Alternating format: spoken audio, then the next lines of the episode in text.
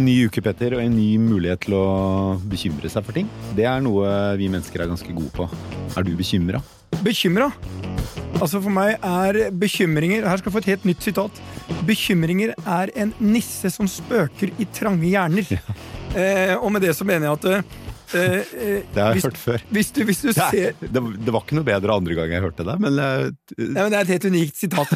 Det er sånn, for det, Da får jeg anledning til å forklare uh, hva jeg legger i det. Det er, det er, hvis du ser på um, verdens evne til omstilling, altså menneskets evne til omstilling Se bare for tolv måneder siden. Da sto vi der, og vi var eh, bekymret over eh, vedvarende energikriser og, og, og tilsvarende dårlige nyheter som vi ser i avisen i dag. Vi har langt på vei løst det. Vi, vi, er, vi har en sånn fantastisk evne til å løse mange av de utfordringene vi står overfor. Liksom så, og, og om liksom et år så, så er det andre og nye kriser. Så, om jeg baserer meg på det jeg leser, og jeg leser litt sånn eh, fra hva man måtte mene om hva vi kan forvente oss neste tolv måneder, så spriker jo de i alle retninger. Så derfor har jeg bestemt meg for mitt helt eget syn på 24, og jeg velger å være optimist. Mm. Norsk næringsliv går bra, eksportindustrien går bra, ja, krona er svak, men det har også sine fordeler. Og krona kommer sikkert til å bli litt sterkere og balansere seg. Så inn for neste år, jeg tror 24 blir bedre enn 23, vi kommer til å øh, løse nye utfordringer. Eh, og det er langt bedre å være optimist enn å være pessimist. jo, en ting som er helt sikkert er at det vil også komme nye kriser. Det vil komme nye utfordringer. Kanskje mm, ting vi ikke vet. En ting vi Men det er ikke ikke nødvendig å bekymre seg over ting du ikke vet. Nei, egentlig ikke. Nei, altså, er, jeg, jeg, jeg, jeg, jeg begrenser mine bekymringer til de tingene som, som er absolutt fakta. Mm. En ting vi i hvert fall vet, er at uh, helsa vår kommer vi til å være minst like opptatt av neste år som eh, i år. Eh, Ikke bare du og jeg, men eh, nordmenn flest er veldig opptatt av helsa si. Veldig opptatt av helsen til sin familie. Og det har også vært veldig mye politisk debatt om over mange år hvordan man skal organisere helsevesenet. Altså privat eller offentlig. Eh, Ja. Eldrepleie, alt dette Hvor, altså, er jeg, det, det, det er lytterne våre er veldig opptatt av. Hvor opptatt er du av helsa di? Når jeg ser på deg, så er det sånn uh, midt på treet opptatt av. Nei, Petter. Jeg, Jo, jeg, når du ser på meg, så tenker du her har vi en mann uh, pluss 50 som tar hel helsa si på alvor og uh, leverer topp norsk klasse, gjør du ikke det? Det er jo det du tenker. ja, men, ja, men det selvbildet er Du ikke tar, feil med. du tar meg i benkpress, men jeg, jeg er ganske sunn. Jeg lever et ganske sunt liv. Du gjør det. Ja, ja det, det gjør jeg. Men hvor opptatt er du av helsa di i en skala fra én til ti? Et sted mellom åtte og ni, tenker jeg. Åh, Mm. veldig bra. Jeg, jeg, ja. Jeg spiser sunt, drikker ikke så mye, trener jevnt. Nei, jeg spiser nok uh, ikke så sunt som deg. Uh, det, jeg drikker du- definitivt mye mer enn deg. Du trener veldig mye, da. Det Jeg du. trener nok mer enn deg. Men jeg, jeg er også veldig opptatt av helsa mi. Men jeg er ikke noen uh... Og på skalaen én til ti. Nei, Jeg er nok en øh, åtte og en halv nier. Jeg var jo Ja. på Volvat nå og tok liksom et hav av blodprøver bare for å sjekke at alt er bra og sånt, følger opp og så fordi at det, Jeg prøver bare å begrense forfallet. Ja. Svenskene har et uttrykk som er sånn det, det, Jeg er på vei full fart på et eller annet tidspunkt rett inn i kakelet. Det er jo dessverre det det handler om eh, når man runder 50. Det er jo, handler om å begrense forfallet. Ja, og det går fortere og fortere. Men Men, vi har jo noen her i dag som kanskje kan gi en del svar. Ja, og, og to som jo definitivt er opptatt av helse. Ja. Sin egen og andres. Det Ja. er eh, to leger. Ja. Og de er et ektepar. De er til og med gift. Ja. Og de har sin egen podkast. Så Ja. inn i studio i dag så skal vi ha to litt sånn Jeg føler meg litt sånn vi blir vurdert, Petter. Vi skal opp til eksamen i podkast. Fordi, fordi dette er da de som står bak podkasten Åpen journal, Katarina Flatland og Harald Doblaug, leger. Ja. Um, og uh, ektefeller, og podkaststjerner. Vi Ja. må ta dem godt imot. Vi må Det det. må det. Vi må Men jeg må ta en må det, disclaimer. Jeg må ta en disclaimer. Fordi at jeg er jo eh, kjempefan av eh, søsteren til Katarina, som heter Bettina. Hun jobber hos meg. Ja. Jobbet i mange år. Så jeg må bare passe på at jeg er øh, øh, kritisk nok her, sånn, for jeg er jo en, jeg er nesegrus beundrer av Flatland-familien. Eh, og de har jo også en del ting jeg må bare spørre om når hun kommer inn, fordi jeg har jo en del øh, ting som kanskje ingen vet om Katarina.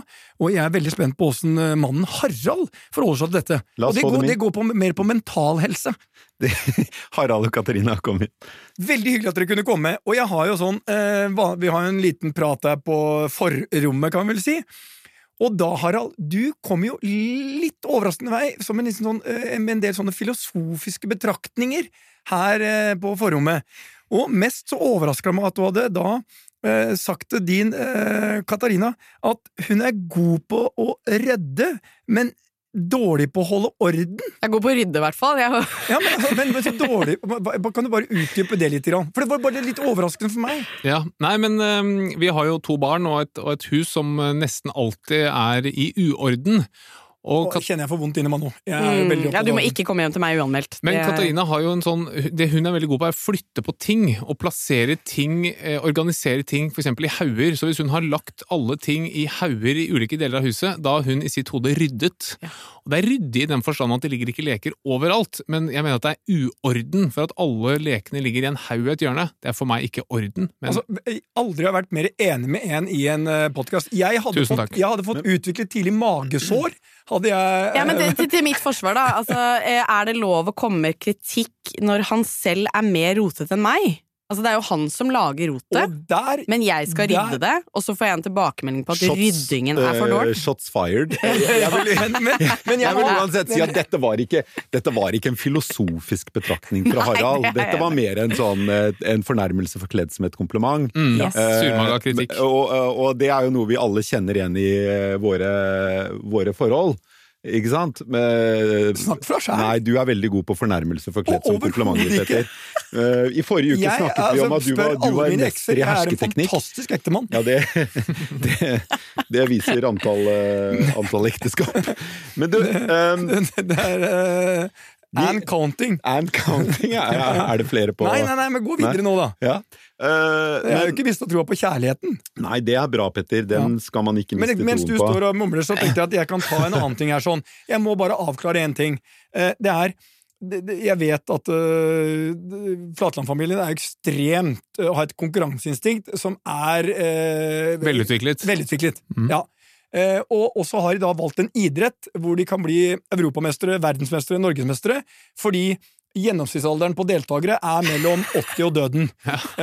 det er jo i den berømte sporten shuffleboard. Yes. Eh, er du eh, norgesmester? Eh, ikke norgesmester, men jeg er jo Nei, men jeg er nummer 13 på europarankingen, og det syns jeg ikke er så dårlig. Nei, eh, nei, og med tanke på at eh, det, alderen på de fra 12 og oppover er da over 70. Ja, det kan du si, men, men jeg, eh, jeg liker ikke å aldersshame. Nei, det, det, det, vi skal ikke gjøre det, men det, Nei. er- dette, er ikke mitt spørsmål. Men når du kom inn i denne shuffleboard-familien, for det er jo, de har jo shuffleboard på hytta, Det egen shuffleboard-bane, og det er jo veldig spesielt. Det er meget Ja, altså, eh, rike mennesker som Flatland-familien De har normalt tennisbaner eller andre ting, Mm. men shufflebaner er veldig lite av. Ja, men de er også gjerrige, ikke sant? Det er liksom, uh, hvis du er rik, har et velutviklet konkurranseinstinkt og litt gjerrig, da går du for shuffleboardbane. Det, det, men det, det, dette, dette er Det er en nisje. Men, dette, dette er en podkast som skjærer fullstendig galt av sted, Petter. Fordi vi har to Først og fremst så har vi to leger i rommet, ikke shuffleboard-eksperter. Jeg, jeg, jeg kommer til mitt eh, Du skal få lov, vi, vi får bare klippe litt. Ja, ok. Men har du Dette skal et sted? Dette skal et sted. Skal et Eh, sted, ja. men, men hvordan er eh, sånn i familien da, du, du spiller da opp også shuffleboard. Jeg må jo det. Ja. Hvordan er, når du spiller på lag med Katarina, og du ikke det har levert ditt beste, hvordan er hun da hvis dere taper? Er hun en god taper? Overhodet ikke. Hun er en uh, dårlig taper, også en dårlig vinner. Og Ja, jeg, tror, jeg tror liksom det er en slags mestringsteknikk for å, for å f- selv føle mestring og presse andre ned. Da. Og jeg trives for så vidt godt på bunnen av den rankinglisten. Der, der har jeg funnet min plass og trives der. Ok, Og hvor vil du med dette, Der vil jeg at uh, Vi snakker jo om uh, Vi skal snakke om helse, men Ja. vi må også snakke om mental helse. Mm. Uh, og dere har jo Dere fremstår jo som altså, Jeg følger jo dere på, litt på sosiale medier. Det er, det er jo nesten perfekt. Altså, det er morsomt og eh, så, eh, Men Og dere er begge leger. Mm. Og dere møtte hverandre på legestudiet. Ja. Og dere lever tett på hverandre mm. med to barn. Ja. Ehm, og så, eh, når det gjelder Hvor mye diskuterer dere helsespørsmål hjemme når dere jobber med disse hele dagen Mm. på privaten? Ja, eh, tenker du da eh, ting fra arbeidslivet, altså eh, pasientkasustikker, eller tenker du mer vår egen helsesituasjon? Deres egen helsesituasjon. Den føler jeg vi snakker ganske ofte om. Eh, Harald er jo ekstremt opptatt av eh, innovasjon innenfor helse. Han holder seg veldig oppdatert på alt nytt. Bestiller altfor mye dyre duppeditter som skal måle liksom, det ene og det andre. Så det Harald, jeg går liker deg bare bedre og bedre. Ikke sant? Dette er Det veldig går bra. mye Mye, helse. mange lag i denne løken her. Ja, Men er det, er det også sånn at du da tar supplement, eh, sånne forskjellige mm, typer ting for at, eh, som du tror er bedre? Mm, ja, men ganske lite. Altså, det jeg tar, er eh, tran, som er omega-3 og D-vitamin, Ja, og det proteintilskudd. Det har jeg begynt å ta. Det har Er jeg... alt det du putter i da, er det slike ting som må være fagfellevurdert for at du i det hele tatt skal la det komme ned i halsen din? Eh, nei, men jeg tror liksom dette med fagfellevurdering og, den vitenskapelige fundamentet som medisinen hviler på, har noen grunnleggende feil, og det er det at vi er veldig gode som leger på å finne ut hva som er gjennomsnittlig bra for en pasient. Så hvis du kommer inn til meg med en problemstilling, så vil jeg si at forskningen viser at det er gjennomsnittlig bra å gjøre ditt og datt. Men vi klarer ikke å fortelle deg som pasient hva er det som er bra for akkurat deg, og da må man faktisk eksperimentere. Og Derfor så kjøper jeg disse ulike duppedittene som måler alt fra søvn til hjertefrekvens osv., for da kan jeg finne ut hva er det som fungerer for meg. Og du er der! Blodsukkermåler og mm. Så du, er veldig, du har alle sånne smartklokker og eh, Aura-ringer og alt sånt der du eh, er Ja. veldig Ja da, det har vi begge to. Det har dere begge Ja, to. ja, ja. Og, eh, de, når, men Harald, du er jo- er en av grunnleggerne av Maja, en digital helsetjeneste. Ja. Dette er jo et marked som har eksplodert, kanskje særlig under pandemien, ikke sant? At det var en sånn, et gjennombrudd for digitale helsetjenester. Eh, Hvordan kan du beskrive det markedet for oss? Ja, jeg, tror gjennombruddet har egentlig vært at det har vært veldig mye kapital tilgjengelig. Så hvis du har, eh, og, og det har skjedd veldig lite inne på helsesektoren. Altså Alle har skjønt at helsesektoren må utvikle seg. Det har vært mye penger tilgjengelig, og så har det vært masse forskjellige miljøer som har fått penger kastet etter seg. Og så har man hatt tid og krefter og penger til å utforske mange ulike varianter. Eh, og det, det har nok vist seg å ikke kaste av seg. Og jeg tror nå som kapitalmarkedene snur, penger blir vanskelig tilgjengelig, så da går tidevannet ned. Og da er det som Warren Buffett sier, da får du se hvem som svømmer nakne. Jeg tror veldig mange i den bransjen her svømmer nakne. Man har brukt masse tid og krefter og penger på å la, bygge opp et privat helsetilbud som det ikke er noe særlig marked for i Norge, som har et så fantastisk offentlig Er det et marked for eh, Maja? Eh, ja, det er det, men det er betydelig mindre enn det vi trodde. Mm. Men Eh, du tok inn 16 millioner fra Skifsted. Ja. Hvor mye eierandel fikk Skifsted da? 10% Wow! Og Mm. hvor mye eier du? 20% Ah, gratulerer. Ja, men hva da? Ja, ja. Eh, Fordi det har vel neppe vært 160 millioner kroner i dag. Kan være dobbelt så mye, trippelt så mye, litt mindre. Det er ikke helt godt å si, men, Mm. eh, men det er ingen tvil om at alle disse eh, selskapene bar preg av at det var kapital tilgjengelig. og Gjennom pandemien så vokste man jo helt enormt, fordi man var tvunget til å flytte mer og mer behandling over digitalt. Mm. Men dette er en treg materie. Jeg tror at fysiske legekonsultasjoner kommer til å være bærebjelken i helsevesenet de neste årene. Men legene kommer i mye større grad til å ta i bruk digitale verktøy for å kunne levere bedre helsetjenester. Og Maja leverer kun digitale helsetjenester. Ja, altså Nå har vi faktisk begynt å På maya.no så bruker vi en teknologi for å kunne levere effektive digitale helsetjenester. Den teknologien har vi nå begynt å tilby fastleger, så de kan gi raskere og mer effektiv behandling til sine egne pasienter. Nettopp. Fastlegeordningen i Norge, fantastisk god. Eh, Det at du som pasient må vente tre-fire uker, det er ikke all verdens problem. Du kommer, du får en, en eh, behandling i verdensklasse, i praktisk talt gratis. Det er, det er for alle praktiske formål et supert tilbud. Ulempen med det er at det er veldig vanskelig å slå gjennom som en privat helsetjenestetilbyder i Norge. Mm. Det, dere, dere har jo også podkasten Åpen journal, eh, hvor dere snakker om alt mulig innenfor helse og, og legers eh, eh, arbeidsforhold osv. Og, så og det har jo vært eh, det siste halve året cirka, etter at en lege tok sitt liv, så har det vært et økt fokus på legers arbeidsvilkår også. Det, altså, og man hører jo om leger som jobber eh, som, som døgner og dobbeltdøgner og ikke, sant? Ikke, ikke sover på 78 timer og, sant? og bare sliter seg fullstendig ut. Er det hverdagen for leger i Norge, eller er det mer ekstreme unntak? Nei, det er, ehm, det, det blir mer og mer altså Legeyrket har alltid vært et yrke altså Det har vært mangel på leger i Norge i mange år, og det har gjort at de få legene du har hatt, de må ha jobbet mye.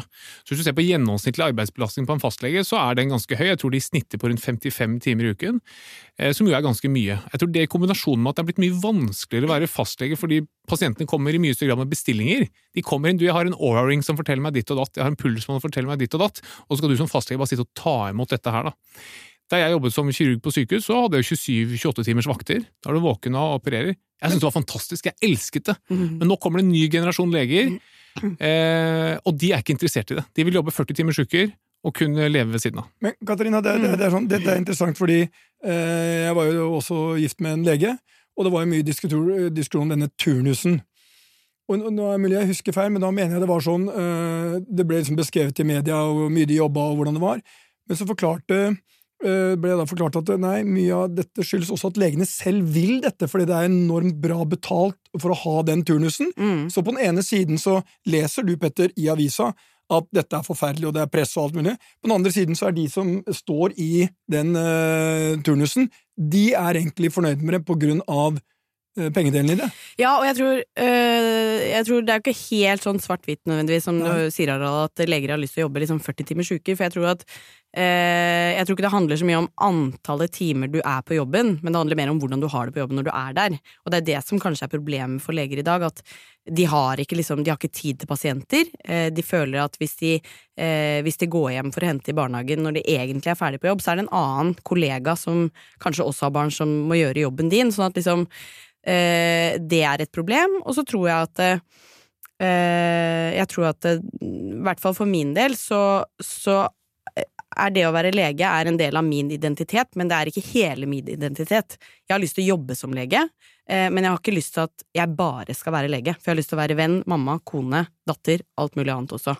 Eh, Så det tror jeg litt som du sier, Harald, at nå kommer det liksom en generasjon med nye leger som forhåpentligvis eh, eh, ikke aksepterer det. Ikke sant? Og så er, hva skjer da? Eh, ender det med at, eh, litt sånn som Harald, han gikk jo fra det offentlige til privat helsetjeneste. Litt fordi du så hvor det gikk hen. Eh, og da mister du jo gode, flinke folk, da, til private helsetjenester, som veldig mange politikere mener at ikke alle skal, eller kan ha tilgang til, da. Mm. Så det blir jo bare sånn problem Hvilket forhold har dere til den der kombinasjonen av private og offentlige helsetjenester, altså en del privatsykehus, eh, alt dette som kommer nå? Jeg tror du er helt avhengig av å ha det for å ha nødvendig grad av innovasjon. Fordi det, det skjer ingen innovasjon i, eller skjer veldig lite innovasjon i offentlig helse. Og hvis du ser både dette med at eh, fastlegen har begynt å ta i bruk digitale verktøy, det tror jeg aldri hadde skjedd hvis ikke det var private tilbydere som, som gjorde det først, da, og som skapte et behov, eller hva skal jeg si, et krav fra befolkningen om det. Det er jo en sånn grunnleggende holdning i det sosialdemokratiske Norge om at det skal ikke være mulig for noen å kjøpe seg til bedre helse. Det sitter liksom veldig sterkt i ryggmargen til, til nordmenn, og det, den støtter jeg. Problemet med det er det at skal du da begrense all tilgang til privat helsetjeneste fordi du vil ikke at du vil ikke ha todelt helsevesen, det er jeg litt uenig i. Men, men jeg, jeg syns det burde vært relativt enkelt å få til et behov fra det offentlige som eradikerte behov for private helsetjenester. Det tror jeg ikke hadde vært noe problem. Som Nei, du kunne, ikke sant, hvis du ser det aller meste av pasienter behandles av fastleger i Norge. Si at det er to- 25 millioner konsultasjoner av Norge, i, unnskyld, legekonsultasjoner i Norge i året. 22 millioner tas av eh, fastlegene. Mm. Eh, de har lang ventetid. Sant? Det er forholdsvis lang ventetid hos fastlegen. Og det skyldes rett og slett at insentivet til fastlegen er at så lenge de har en full timeliste fra de kom på jobb til de går, så blåser jo de i hvor lenge pasienten har ventet. Da. Der kan du med relativt enkle grep og bruk av teknologi være flinkere til å triasjere pasientene, så du vet at de som Til hva? Triasjere, triasjere, altså lage et bedre køsystem. Som at hvis du har en problemstilling som relativt enkelt kan ordnes i løpet av 24 timer, så får du timer raskt. Har du ting som kan vente, så flyttes det. Mm. Men dette insentivet ligger ikke i det offentlige, og derfor er du nødt til å ha noen private aktører som pusher dette fremover. Men Mye av den politiske debatten i Norge eh, gir jo et inntrykk av at vi ikke har et privat helsevesen eh, å snakke om. Eh, mens realiteten er jo at vi har en betydelig grad av privat bidrag i helsevesenet, men ikke på sykehusene. Men vi har jo, eller dels på sykehusene med altså Volvat og andre private sykehus. Men altså hele fastlegeordningen er jo privat, den er bare finansiert av det offentlige. Det er riktig. Veldig mange av de inn, innkjøpene norske sykehus gjør, er, gjøres jo av private, enten det er laboratorietjenester eller utstyr eller hva det måtte være. Så Eh, det- det- vi det er har jo et paradoks. privat helsevesen som lever i aller beste grad i Norge, ikke sant? Men vi, Mm. vi får et inntrykk av at det norske helsevesenet er offentlig finansiert og drevet. Er det liksom det at det er så politisert, dette med private helsetjenester, gjør det at vi ikke egentlig helt klarer å ha et, et felles bilde av hvordan vi organiserer og eh, strukturerer helsevesenet? Ja, det er, det er politiske krefter dette her dreier seg om, og det handler om at sant, hvis du driver en privat barnehage Vi har to barn, hvis ikke det hadde fantes private barnehager, så hadde jo vi vært hjemme med barn begge to. Men, men det, av en eller annen grunn så klarer noen å lire av seg at det er velferdsprofitører og blodigler. ikke sant? Det, det er liksom, for meg gir det ingen mening, og jeg tror at eh, hvis, du, hvis du blir innlagt på et sykehus, da, Mm. eller går til en fastlege, hver krone som blir puttet inn i behandlingen, altså det det koster å få behandlet deg, jeg tipper at 50 øre av hver krone går til en eller annen privat aktør. Om det er de som eh, vasker sykehuset, eller om det er de som leverer journalsystemet, eller om det er vikarbyrå som henter personell.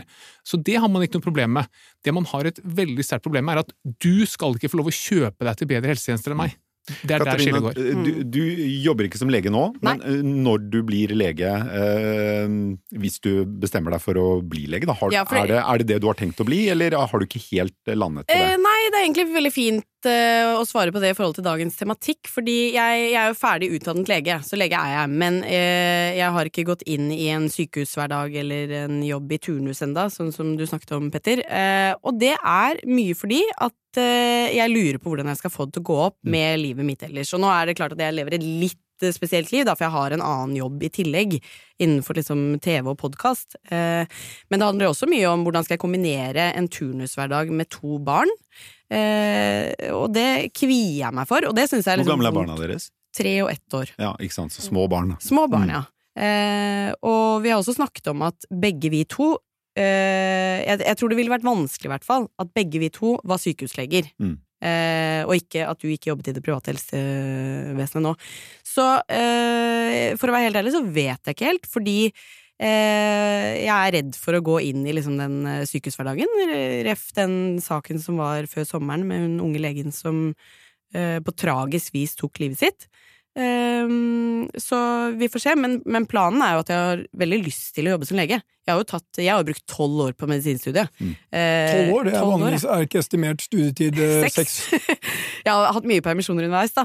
det er bare derfor, da. Det er ikke at du har brukt dobbelt så lang tid. Nei, jeg har ikke brukt dobbelt så lang tid ellers. Men, eh, men, men jeg har veldig lyst til å jobbe som lege, og har et brennende ønske for det. Men, men eh, er rett og slett skeptisk til om jeg får det til å gå I det brennende ønsket, Katarina, er det slik at du ville eh, motivert dine barn for å bli lege?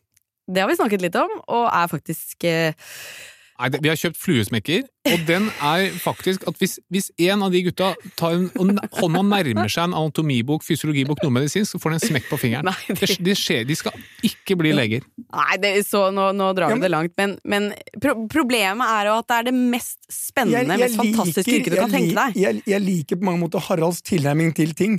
For det er litt sånn, som du, det er sånn at du smekker litt til.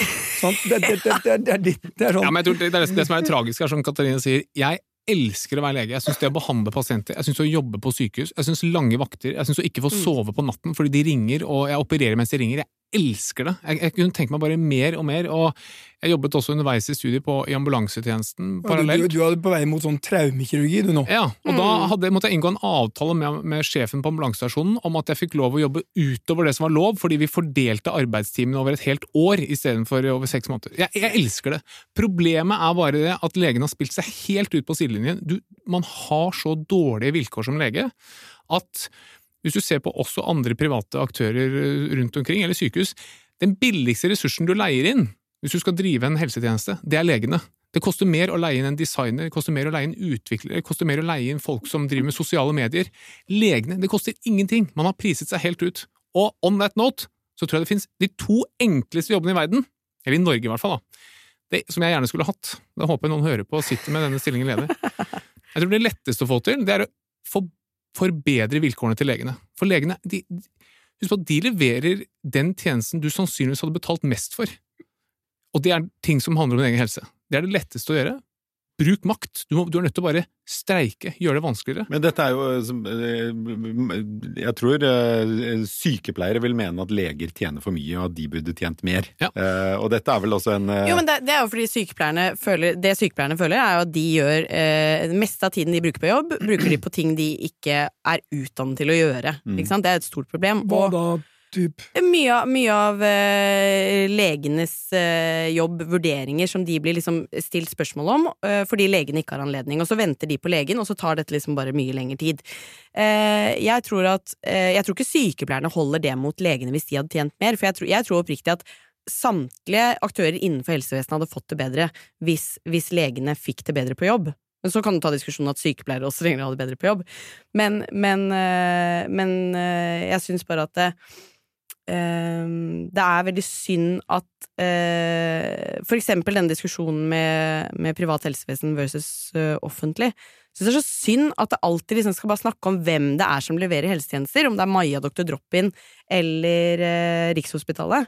Det er jo det, det, er det folk Men tror du det er mer på. populært å jobbe i de private enn i det offentlige?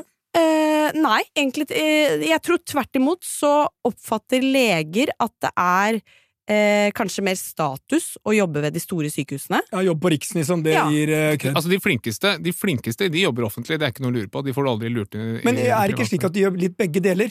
Er du, jobber du på plast, så er du på, i det offentlige, men så hospiterer du litt i det private. Ja, det er jo, det er jo bare for å få toppa topplinjen litt. Grann, ikke Ja, men er, er ikke det ganske mange som gjør det? Ikke de, de aller flinkeste de gjør ikke det. De aller flinkeste, de, de Men det er de gamle ringrevene, da, som Ja, ja, De subber rundt på Riksen, de vet ikke hva de tjener, de vet ikke om de har tatt ut ferie de siste årene. Det er de flinkeste. For de er sånn ordentlige fagnerder, og de Det har du jo i alle Ja, ja, det er de du vil Men- ha, ikke sant. Er det slik at man er, er, hva, hva er den private bedre på enn det offentlige? Jeg tror innovasjon er det viktigste, og det som er Det nevnte du, sa, men det må være mer enn innovasjon. Ja, men, det- ja, og det er at du kan, du kan ha et tilbud som er mye mer tilpasset eh, At, at du gir forbrukeren et valg. Ikke sant? Hvis du da, Petter, hvis du nå kjente at nå begynte du å få vondt i magen da, da, du, hadde ikke, du hadde sannsynligvis ikke dratt ned på legevakta i Oslo Altså, korteste, og ventet i åtte timer. den korteste tidsenheten du kan måle, som du må ha NASA for å måle, det er fra jeg kjenner det, til jeg er på Volvat og sitter der og venter på å komme inn og få sjekka ut ut og det. du, er jo, du er jo ikke representabel for hele befolkningen, men jeg og Katrine er i hvert fall mer representable. Vi eh, bruker også det private for å kunne få raske avklaringer. Vi orker ikke å vente to timer på legevakta. Med barn særlig, da. ikke sant, med Mm. barn eller to uker på fastlegen. Så det for oss å ha en mulighet til det, det tror jeg er ekstremt viktig. Det som også er, og som jeg er helt overbevist om, nå kjenner jeg ikke din historikk, Petter, men det offentlige helsevesenet det er nødt til å vurdere et menneskeliv basert på en statistikk. Det betyr at ditt liv, basert på din alder, det, det er verdt en, en sum. Man kan si at Petter, ett år av Petters liv det er verdt fingeren i været 800 000 kroner. Det betyr at når du går til fastlegen, så sier du til Ett fastlegen år av mitt liv er verdt 800 000. Ja, bare for altså, Syns det var lite? Det var veldig Ja, lavt lite. Ja. Dette var en Altså, dårlig start på dagen ja. Det nå har du levert så mye bra, og så har du liksom Nei, men la meg ett år av mitt liv til 800 000. La meg fortsette resonnementet. Så når du kommer til Når du Ja, går per, til hvor mye har han vært, da? Nei, det er jo ikke mer enn 200 000-300 000. Nei, men han er yngre, han er yngre, ikke sant? Han er yngre. Han har er flere år i, i arbeidslivet. Statistisk sett, så eh, ja, det han har vært mer. Er I teorien, ja. Men for å Jeg fortsette har aldri resonnementet vært lenger fra min pensjonisttilværelse Nå syns jeg. Harald hadde muligheten til å liksom glatte hadde, eh, men, men det interessante er hvordan han skal komme ut av dette. ja, Nå skal vi høre. Og det er det at når du, når du har en så lav prislapp på et menneskeliv som du må ha i det offentlige, det, det må du ha, og det er samfunnsøkonomisk bra, det betyr at når du går inn på et legekontor i det offentlige, og så sier du jeg ønsker å få vite om jeg har kreft, men jeg har ingen symptomer, da vil helsevesenet si det gjør vi ikke her. Er. Kom, kom tilbake etter du har fått symptom på kreft, vil jeg si. Mm. Som jeg mener er helt bakvendt. Og det kan du gå til prat og si hør nå, jeg skjønner at jeg må betale ut av min egen lomme, men for meg er livet mitt så mye verdt at jeg ønsker nå å undersøke om jeg har sykdom Men vi kan før jeg har fått symptomer. ikke sende alle gjennom en MR-screening hver eh, 24. måned. Det kan vi, og det kommer vi til å gjøre, men det er en stund fremover. Husk på det Du tror det? Ja, ja, ja. Det er jeg helt overbevist om. Det, det som koster med MR-maskin, det er du må kjøpe maskinen, og så er tolkningen ganske dyr. ikke sant? Du må ha radiologer som går gjennom det. Det kan AI i dag fikse. Dette kommer til å skje. Dette er en av de store skiftene som kommer til å skje innen medisin de neste ti årene. At vi skifter til et preventivt syn på helse, hvor du kommer inn som en antatt frisk person, og så undersøker vi deg likevel. Ja. Det, jeg, har lyst til å, jeg har lyst til at vi skal liksom, Siste del av denne praten syns jeg vi skal liksom, snakke om dette, for dette er superinteressant, Mm. synes jeg. Og det altså Det høres så logisk ut ikke sant? at veldig mye av helsevesenet i dag er rigget inn mot å reagere på symptomer, reagere på et sykdomsforløp, mens eh, hvis du kan være i forkant av sykdommen, så er det sannsynligvis fryktelig mye å spare på alle typer sykdommer, fra, fra kreft til mindre alvorlige sykdomsformer. Eh, Katarina, dere har jo begge Aura-ring, som de som ikke vet det, den måler jo Er det hjertevariasjon den måler, er det ikke det? Ja, måler Eh, og puls, ikke sant, og sånn, for sånn Du får en sånn innblikk hver morgen, tror jeg, på hvordan er helsa di i dag. Ja, den kan for Eh, eksempel og, og, og så har du smartklokker, og du har liksom, den type teknologi da, som gir et løpende innblikk i helsetilstanden din, mm. har jo eksplodert i de siste årene. eh, Men alt tyder på at det kommer til å ta fullstendig av. Kom, I hvilken grad tror du det kommer til å prege hvordan vi, eh, både som enkeltmennesker, tenker på vår eh, helsetilstand, og Mm. hvordan det vil prege helsevesenet i åra fremover? Det, Der tror jeg det handler litt om å skape de gode verktøyene for å møte den, eh, den enorme liksom, bølgen som kommer til å komme av pasienter som sier at du, nå har jeg hvilepuls på 40, er det, er det farlig? Mm. Ikke sant? Å bruke fastlegen til å svare på det er jo eh, litt synd, ikke sant? Eh, så det er nettopp der jeg tror liksom sånn som eh, Maya eller den teknologien de utvikler, eller bruke, bruke AI Hvis du kan få brukt den teknologien til å svare på alle disse spørsmålene, eh, til å vurdere et EKG som du tar på klokka, er dette noe jeg skal dra til sykehus med? Fordi eh, det er kjempebra med alle disse duppedittene, som Harald også er eh, kanskje storforbruker av, eh, men det, det siste vi må, er jo liksom at det fører til at vi overbelaster fastleger og sånn eh, med dette. Eh, Men problemet er at kanskje ikke innovasjonen for å møte liksom, disse nye utfordringene skjer eh, så mye da, innenfor det offentlige helsevesenet. Der tror jeg man trenger liksom, private aktører som løfter hodet. Men eh, Harald, sånn eh, du som spådde om din er liksom at ja, vi kommer til å komme dit, at vi drar alle gjennom en MR-maskin, og AI kan være med å lese istedenfor kostbare mennesker. Men det finnes jo en del lavthengende frukter. Eh, er, tror vi kommer dit at man tilfører eh, statiner i vannet fordi det er eh, Dette er bare som et eksempel, så fordi det er ekstremt lite bivirkninger og en enormt stor oppside? Eller er vi i ferd med å sykeliggjøre hele befolkningen? Det der er et etisk og moralsk spørsmål, og vi kommer aldri til å tilsette statiner i vannet. Men, men, men, men, men, men, men ja, det kommer vi til å gjøre. Og dette er det jeg mener også med et reaktivt helsevesen. Husk på det at du aksepterer et veldig høyt sånn så, Du kan måle kolesterol i blodet til folk. Mengden kolesterol du har i blodet, forteller noe om risikoen du har for hjerte-karsykdom. Vi er veldig tilbakeholdne med å behandle kolesterol i blodet. Vi venter til enten at det blir veldig høyt, eller at du har hatt et hjerteinfarkt, for å si det veldig enkelt. Det kommer til å bli helt snudd på hodet. Du kommer til å si, vet du hva, når du er 35, så setter vi grensen for kolesterol veldig, veldig mye lavere. Fordi jeg vet at hvis du bare tar disse statinene fra du er 35, så slipper du å få hjerteinfarkt i det hele tatt. Sånn kommer det til å skje. Vi er langt unna. Hvorfor gjør vi ikke det i dag? For det, det, det var mitt poeng. Ja, nei- Hvorfor gjør vi ikke det i dag? Det er politisk motvilje og en, eh, en tanke om at man ikke skal eh, overmedisinere eller overdiagnostisere behandle, som jeg mener er helt snudd på hodet. Men det kommer til å gå den veien der. Jeg kommer selv til å begynne å vurdere å, å gjøre dette her, fordi jeg ser at, eh, at eh, oppsiden er så enormt stor. Og dette kommer også til å endre seg, det at legen vet best. Vi leger, vi har hatt makt, status, penger, basert på at vi kan mer. Det forsvinner også. AI kan mer enn oss. Den, den kunnskapen vi besitter som leger, den er ikke verdt noe om noen år. Og det å kunne da Ja, det putte noe. Det var, det var, vi, nå skal vi i ferd med å avslutte på den. Det var Mm. veldig sånn vi gikk Ja. rett ned her nå. Det, hvis vi skal opp på slutten Ja, Men det det- opp. Det er jo veldig kostnadsbesparende da, hvis vi kan slippe leger. Det er litt sånn overraskende konklusjon her. Nei, Vi kommer alltid til å ha behov for leger, men jeg vi tror at eh, det. vi kan få veldig god hjelp av noen nye verktøy som, eh, som kan hjelpe legene til en mye lettere hverdag. Men eh, jeg, vi, vi må ha noen avsluttende spørsmål som vi alltid har. Eh, Hvor ofte Harald, tar du blodprøve? I året? Eh, en gang i året. En gang i året? Ja. Og Hvis du føler at noe er gærent, hva det er, du har den ene gangen. Ja, fordi eh, hvis noe er gærent, akutt gærent, så vet jeg at liksom, enten så går det over, eller så får jeg ordentlig beskjed. Det, er mye, det som er mye mer interessant å følge med på en gang i året, er sånn som kolesterol, som du vet har en langsiktig verdi, og som du vet at du får ikke så mye hjelp av fastlegen din eh, før, før ting har gått gærent. da. Ja, jeg tar jo mye oftere, fordi jeg har diabetes, så går jeg til kontroll eh, i hvert fall to-tre ganger i året. Um, men, eh, men jeg tror du er en kanskje hyppigere forbruker av det, Petter?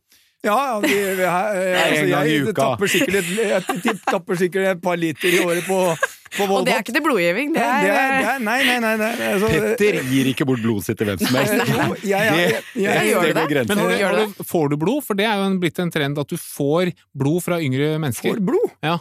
Det blodet mitt det, er, det, det spruter rundt i årene mine, så, så jeg trenger ikke noe mer blod enn det jeg har. Men jeg er sånn som nå, det er sånn, Når jeg føler meg liksom øh, Jeg føler meg stort sett jævlig bra, men når jeg føler meg litt dårligere og Hvis ikke det går over liksom i løpet av et par dager, så øh, tar jeg øh, Blodprøver. Da tar jeg en par blodprøver. Ja. Bare for å sjekke at her er alt i orden. Ja, Og når jeg får de resultatene da 24 timer seinere, så føler jeg meg straks mye bedre. ikke sant? Ja. Ja, så, det, det, Mm. så, så for meg så vet jeg sånn Det er en kjapp tur opp. Eh, og ja, blodårene er, det er som motorvær. Ta ut 25 blodprøvegreier, Ja. og så får jeg svar på alt. Jeg skulle, vært, jeg skulle vært legen din, det hadde vært en tilfredsstillende en måte å tjene lege. masse penger på. Nei, men det, det, det, det er ikke Ja, det, er, sånn, det, er, det koster jo ikke all verden å ta blodprøve, men, men, eh, men, det er, men for meg, jeg vil være i forkant. Ja, nettopp. Jeg vil, jeg vil bare være i forkant. Mm. Jeg gidder ikke å bli overraska. Så jeg har vært i sånn MR-maskin, for jeg vil være i forkant. Ja.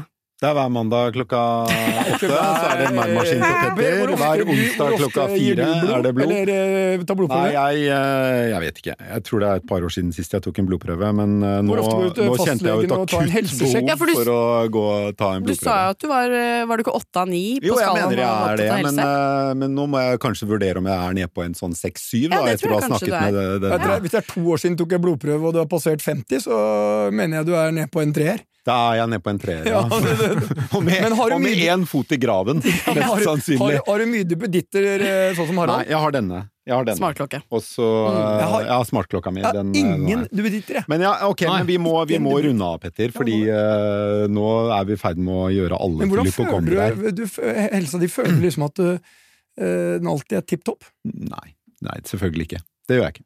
Men sånn jevnt over føler jeg at den er ganske god. Ja, du hører flere blodprøver. Men bare for å ha sagt det, vi, vi vi vil jo ikke gjøre folk til, flere, til å bli f- mer hypokonder, men, men eh, jeg syns det er rart at når man vet at en tredjedel til etter hvert kanskje halvparten av oss kommer til å få kreft, at ikke vi ønsker å gjøre mer for å oppdage den kreften tidligere, eller i hvert fall Mm. Tenk hindre den. Det syns jeg er rart. samfunnskostnaden. Ja.